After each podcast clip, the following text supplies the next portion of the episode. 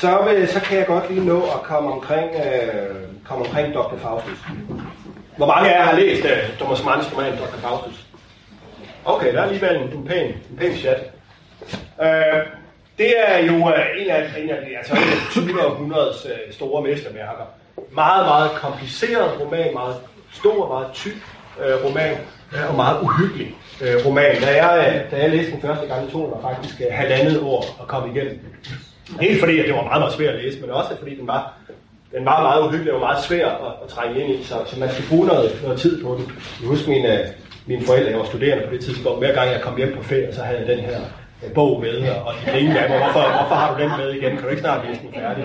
Men det lykkedes mig altså også til sidst at, at få læst øh, romanen færdig. Det handler om, det ligger jo titlen Dr. Faustus, den handler om, den handler om djævlepakten. Den handler om, øh, det er jo den gamle Faust-myte, øh, som jo handler om, om øh, den her videnskabsmand, Dr. Faust, som indgår en pagt med djævlen, sådan han kan få inspiration, og sådan han kan få adgang til at opdage nogle sandheder omkring verden, som ellers er skjult for mennesket, med mindre man får adgang til at opdage de her ting ved djævelens øh, mellemkomst. Og i den her øh, Dr. Faustus roman, så det, handler det om en, en øh, komponist, der er Adrian Leverkühn, som indgår en pagt med djævlen for at få sit kunstneriske gennembrud. Altså djævlen befrier, hvad skal man sige, inspirationen.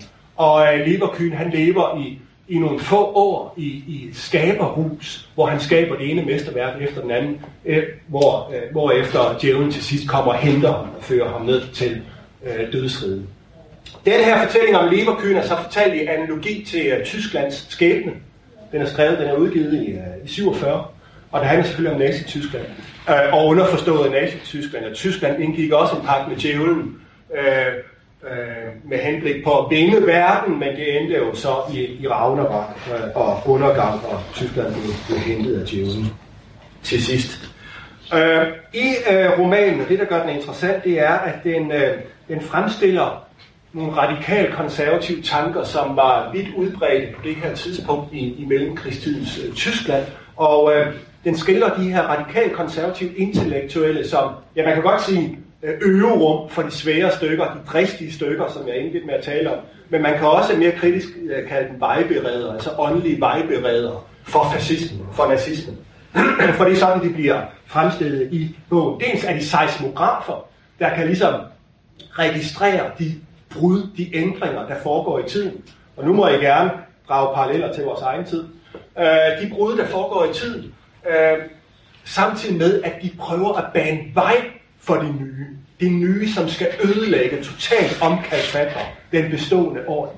Så de er både seismografer, men de er også vejbereder for det, som på det her tidspunkt jo altså var, øh, var nazisme. Diktatur. Øh, og det som, øh, det, som skulle smadres, det var, det var øh, den borgerlige humanisme. Det var borgerlig orden, kan man sige den humanistiske orden, som, som, var, som blev betragtet af de her intellektuelle som, som noget øh, tomt, noget træt, noget idéforladt, noget, øh, noget, øh, noget, noget latterligt på en måde. Noget, som slet ikke var modstandsdygtigt i nødens stund. Thomas Mann han har et, et, et forrygende citat, som jeg egentlig vil læse op. Han skriver i et essay om tyskerne, en essay, han, øh, han, han kalder Tyskland tysker. Der taler han om den romantiske ånd. Altså i Tyskland, der har man jo altid øh, øh, omgivet romantikken med en særlig skepsis. Fordi man har anset romantikken som et opgør med oplysning, rationalisme og universalisme og fornuft, tro, fremskridtstanken. Og det har man jo så i tysk historie altså set som noget, der, var, der førte til nazismen og Lige så vel som man har været skeptisk over for Luther øh, af, af nogle af de, de samme grunde. Øh. og øh, han skriver så, Thomas Mann, øh, om det her, om, om tyskernes, tyskernes øh, nationale ånd, kan man sige, at den er præget af, af det romantiske. Øh, han taler om den enadvendte tysker, der repræsenterer, citat, den romantiske kontrarevolution mod oplysningens filosofiske intellektualisme og rationalisme. En musikkens opstand mod litteraturen, mystikkens opstand mod klarhed. Romantikken er alt andet end svagelig sværmeri. Den er dybden, der samtidig føler sig som kraft, som fylde. En ærlighedens pessimisme, der holder med det værende, det virkelige, imod kritik og middelmodighed. Kort sagt, med magten imod ånden, og tænker yderst ringe om al retorisk dydighed og idealistisk verdens besmykkelse. Det er altså den romantiske ånd, som uh, tyskerne ifølge Thomas Mann er, er stærkt præget af. Og det er også den ånd, som glider ind i radikal konservatismen. Og, og radikal konservatisme, det er jo sådan et, et mærkeligt, Øh, mærkeligt oxymoron, kan man sige. Det er jo sådan en, en sammenstilling af modsat, øh, modsatrettede begreber. Hvordan kan både være radikal og konservativ? Men det kunne de her folk, øh, fordi at det, øh, de ønskede, det var altså et opgør med det bestående, som var, som var dødt og udlevet og, og øh, på alle mulige måder hæmmende for øh, livet. Radikal konservatismen ønskede altså at genetablere den gamle orden, øh, hierarkiet, ja, diktaturet øh, faktisk også, øh, ved fuldstændig at sprænge den etablerede borgerlige humanisme. Og, og, og det gør jo, at radikal konservatismen kommer i, i, øh, i, øh, i ledtog med livsfilosofi, eller med vitalisme. Altså øh, den øh, øh tankestrømning, som øh, sætter livet altså livet selv, som vi kalder det, sætter øh, livet allerhøjst. Det, som er vigtigt, det er det, som kan fremme livet, det, som kan øh, give en brusen i livet. Altså, det er øh, viljen, øh, det autentiske i livet, magten osv., som så står i modsætning til alle de døde former. Øh, og øh, det kan være videnskab, det kan være oplevelse, men det kan også være demokrati, som er øh, repræsenterer øh, de døde former, hvorimod vitalismen jo altså repræsenterer kraften den kraft, som i tidens fylde vil bryde igennem formerne, de stivnede former, og forløse livet i sig selv. Skabe ny storhed. Det er jo abstrakt et begreb, men det er også abstrakt af den simple grund, at man skal jo læse sine egne længsler ind i, ind i de her begreber. Altså utopier har det jo med at skal være tomme kar, som kan rumme mængdens drømme. Der må aldrig være konkret. Det var de her folk heller ikke, men de dyrkede, de dyrkede den kraft, der befandt sig nede i dybet som var skjult øh, under en overflade af, af former, af stivnede, døde øh, former. Krigen, styrken, magten, intensiteten øh, og det ekstraordinære. En genetablering af den gamle orden med autoritet, hierarki og, og diktatur og, og også heroiske dyder. Alt det var noget, som, som de radikale konservative øh, forsøgte at bringe til udtryk. Og det lykkedes så også, øh, kan man sige, langt hen ad vejen. Og dermed har jeg også sagt noget om det farlige ved en radikal øh, konservatisme, som er noget af det, som Thomas Mann jo vil advare imod, men jo advare imod i den forstand, at han siger, at det er en del af menneskets tilværelse. Han har jo, Thomas Mann var jo selv øh, øh, romantik i sin tidlige fase, og var det sikkert hele vejen igennem også. Så det er altså noget, der ligger i mennesket, og man skal passe på, at man ikke ser bort fra de her kræfter. Fordi i det øjeblik, du ser bort fra dem, så er det, de kan, de kan bluse op som det fortrængtes genkomst, øh, som øh, kommer tilbage i dæmonisk form. Vi kender jo godt øh, selve øh, den øh, tankefigur. I romanen her, der er det interessant, at der er det, der er det djævlen, som er en slags, så bliver fremstillet som en slags radikal konservativ. Det er djævlen, der, der, jeg frisætter kræfterne. Ligesom de radikale konservative intellektuelle også ønsker at frisætte de slumrende kræfter og, og, gøre op med en etableret orden. Øh, på et tidspunkt i romanen, der har Adrian Leverkühn en uh, samtale med djævlen, berømt uh, passage i romanen, uh, hvor djævlen fremsætter det her tilbud, den her pagt om, at hvis du indgår en aftale med mig, så kan du erobre verden. Uh, men jeg henter dig igen efter nogle år. Og den aftale, den går øh, uh, Adrian ind på, den går han ind på efter at blive overbevist af det, som djævlen sidder og siger til ham. Djævlen, som jo træder frem, ikke med, med horn i panden og, og, og, og, og så videre, som den traditionelle gestalt, men altså som en, en uh, musikkritiker, en intellektuel, ikke? skarp, intellektuel, afsinddygtig, sortklædt uh, intellektuel. Det er sådan, at djævelens gestalt i den her samtale. Så siger djævlen til Adrian Leverkühn, siger han, vi skaber intet nyt.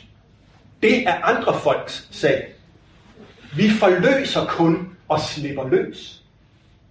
Vi lader svagheden og skyheden, de kyske skrubler og tvivl gå af helvede til. Vi støber op og rydder trætheden af vejen. Den lille og den store, den private og tidligt. Der har vi igen sammenfaldet her. Ikke? Altså, at kunstneren kan få sit gennembrud, og, og øh, Tyskland kan få sit gennembrud, nazisterne kan få sit øh, gennembrud. Hvad vil, øh, hvad vil øh, Thomas Mann med, med den her roman, og, og hvad vil jeg med den?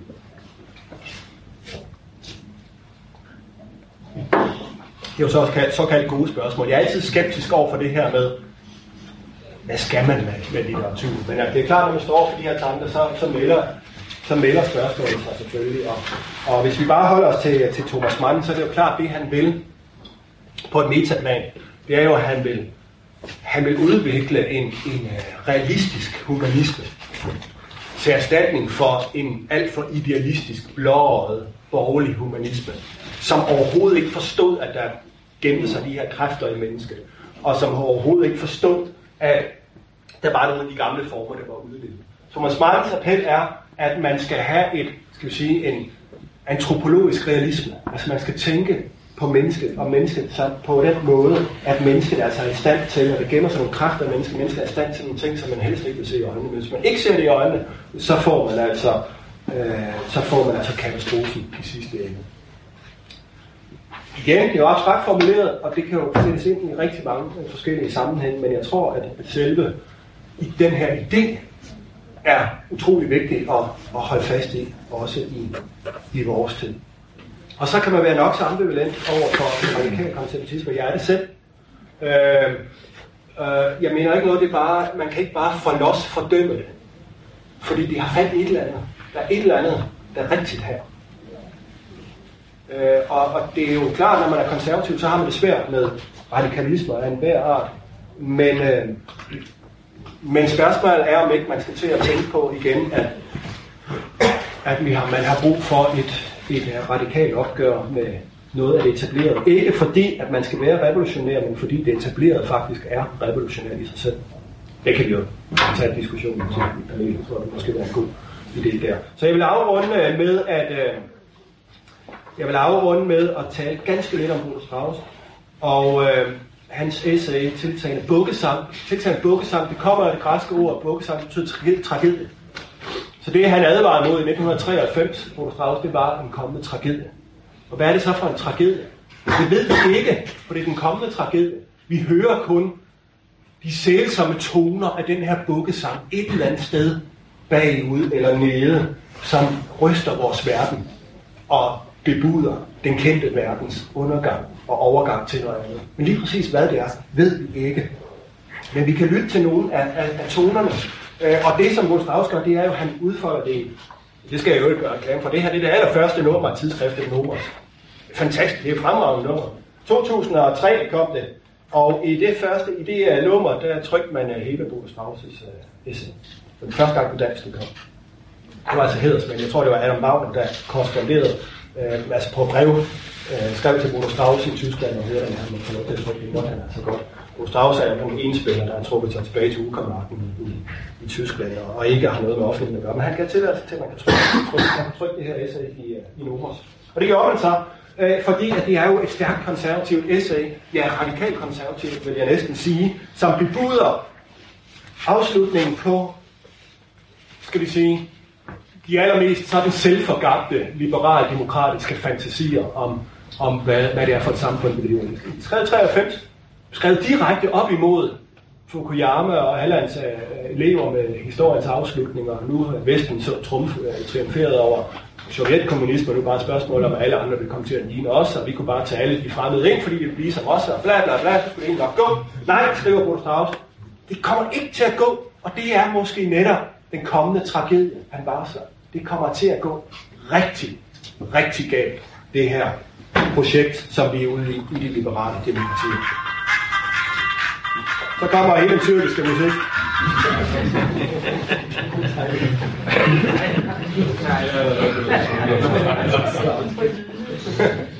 Øh, Bruder Strauss, han, øh, han, altså hele, hele, det der er fantastisk ved det her essay, som efter min mening er, er det bedste, der, der er skrevet siden murens fald, måske det bedste essay, der er skrevet i, i det 20. århundrede, måske nogensinde, jeg ved det ikke. Det er i hvert fald helt suverænt godt skrevet. Øh, og det er han, hans form, det er, den fra, det er fragmentet. Det er små fragmenter, han skriver. Øh, fuldstændig fortættet, visionære og øh, billed, billedrige fragmenter. Han bruger meget metaforer, mange øh, øh, billeddanser. Jeg får det, som øh, Ole Vivli også, altså også skrev om, at det er billedet.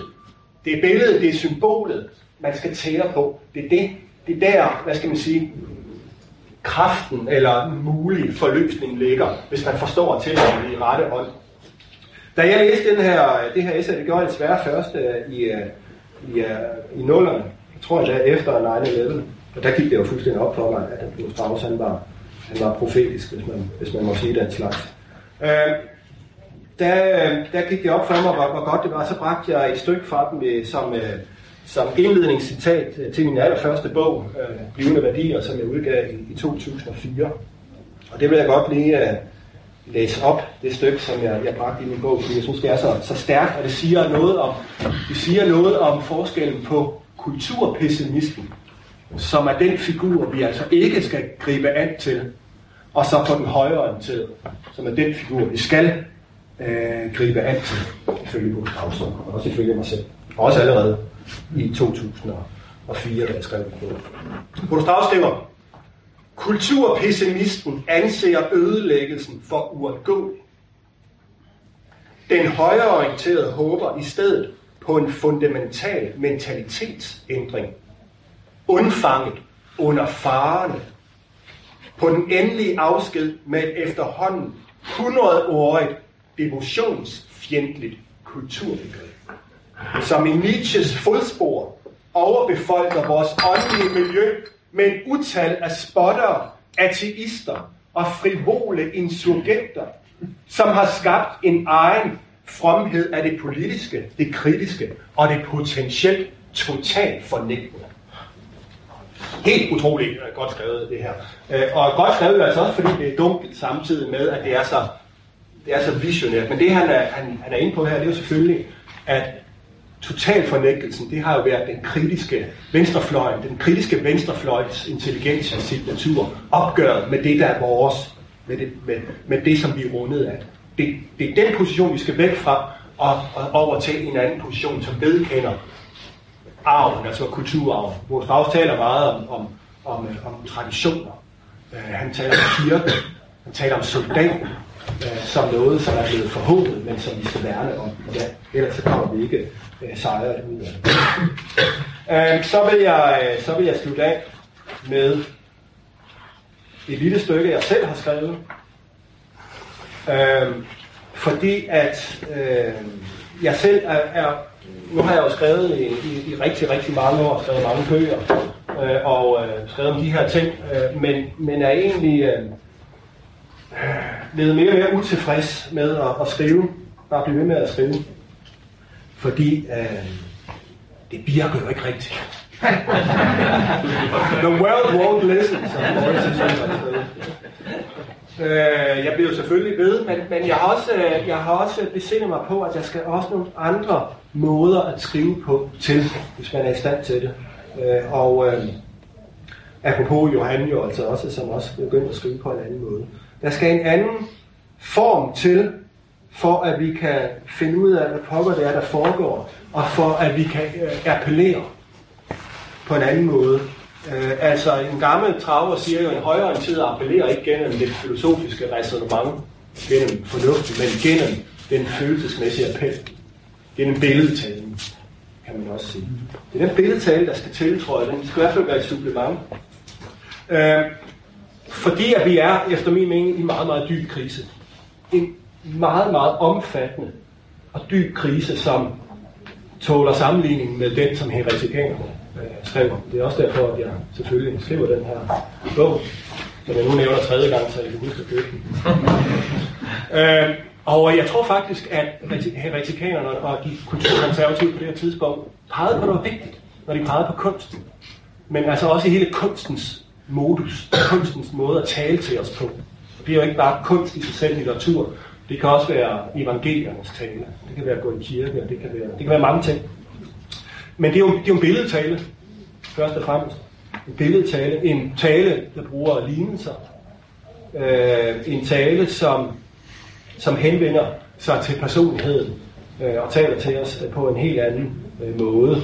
Øh, krisen har jo selvfølgelig at gøre med, at, at, at øh, alle ved, at det her ender galt, men ingen gør noget. Altså, det, det er meget, meget vanskeligt at finde ud af, hvorfor det ikke sker. Altså, det mener jeg faktisk. Det er en gåde. Vi befinder os i gådefulde tider. Øh, øh, Ville Sørensen har skrevet, en, en gang til skrev han, en gang øh, kunne man ikke en gang kunne man ikke vide det, man troede på. Men i dag, så kan man ikke tro på det, man ved.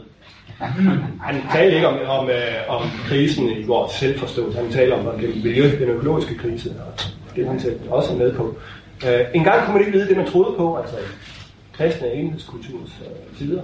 I dag kan man ikke tro på det, man ved. Katastrofen kommer, hvis den fortsætter.